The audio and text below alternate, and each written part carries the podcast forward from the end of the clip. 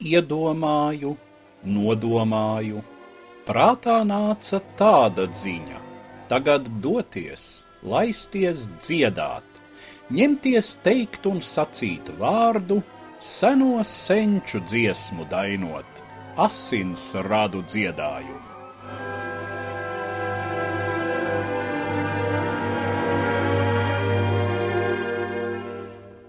Tā iesākas Kalevala, Somu tautas epos. No senām Somu tautas episkajām dziesmām to izveidojis ārsts un filologs Elijas Lenrūts. Savu priekšvārdu Kalevalas pirmajam izdevumam viņš datējis ar 1835. gada 28. februāri. Mūsdienās Somijā 28. februāris oficiāli tiek atzīmēts kā Kālevalas diena. 19. gadsimta pirmajās desmitgadēs Krievijas impērijai nesen pievienotā Somijas lielkņaziste pamatīgāk apdzīvota bija vien pašos dienvidos. Tālāk uz ziemeļiem mežu meži, purvu purvi un ezeru ezeri, starp kuriem vietumis pa pilsētiņai, ciemam vai zemnieku sētai. Droši vien dažs labs komiltonis domīgi nogrozīja galvu, uzzinot, ka Helsinku akadēmiju nule absolvējušais dakteris Lenrūts pieņēmis Kajānlandes apriņķa ārsta vietu lielkņazistes austrumpusē. Šis amats vieglas dienas nesolīja. Nāksies desmitiem, kazi pat simtiem verstu kratīties pa sliktiem ceļiem uz attāliem ciemiem, pie sirdzējiem, kuri tāpat neko lāgā nevarēs samaksāt, un vispār raduši vairāk paļauties uz vietējo riebēju nekā uz mācīto pilsētas dakteri. Pie tam nu jau vairākus gadus rāža šais apgabalos bijusi pagalam vāja, ļaudis tur dzīvo pusbadā, un, kā jau bada laikos, sērgām ir bagāta pļauja. Iepriekšējais ārsts to visu nebija izturējis un uzteicis darbu, un tad nu šī vieta tikusi jaunisceptajam mediķim. Taču Eliasu Lenrūtu tas viss nenieka nebiedēja. Viņš bija mācījies saprast, ka zāļu sieva reizēm zina labāku padomu nekā akadēmijas absolvents, bet daktera nopietnākais uzdevums iepotēt ļaudīm priekšstatu par higiēnu un sapotēt pret bakām.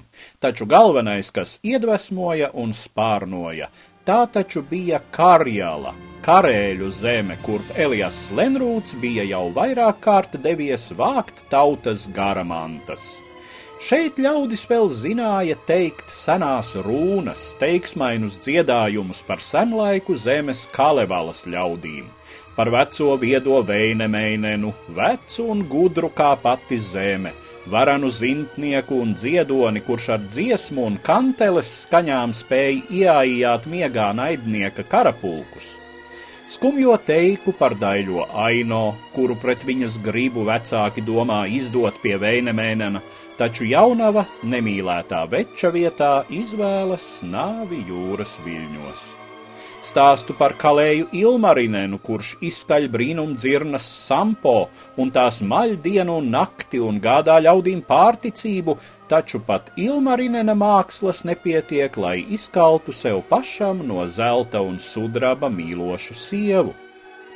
Vēstījumus par varano un ļauno ziemeļzemes valdnieci burvi Lauhi un viņas daļajām ziemeļmeitām, pēc kurām prets kalevalas varoņi likdami lietā gan spēku un drosmi, gan māku un viltu, un drūmo teiku par puisi Kullervo, kuru vecākais brālis pārdod verdzībā, kurš pieaudzis atgriežas, bet nezinot, paved paša māsu un galu galā atņem sev dzīvību un par kautro jaunavu Marjatu, kura tiek mātes cerībās, jo ēdusi brūkleņogas, un laiž pasaulē puisēnu, pirmo Kalevalas kristīgo ķēniņu.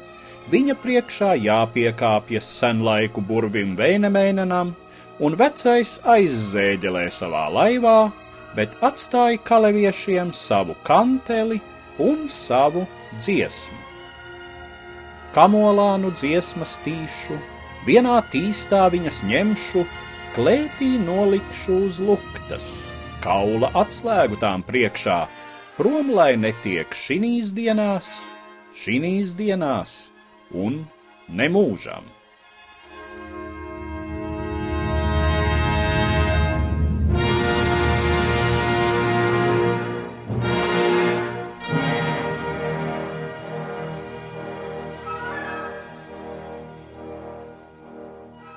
Stāstīja Eduards Liniņš.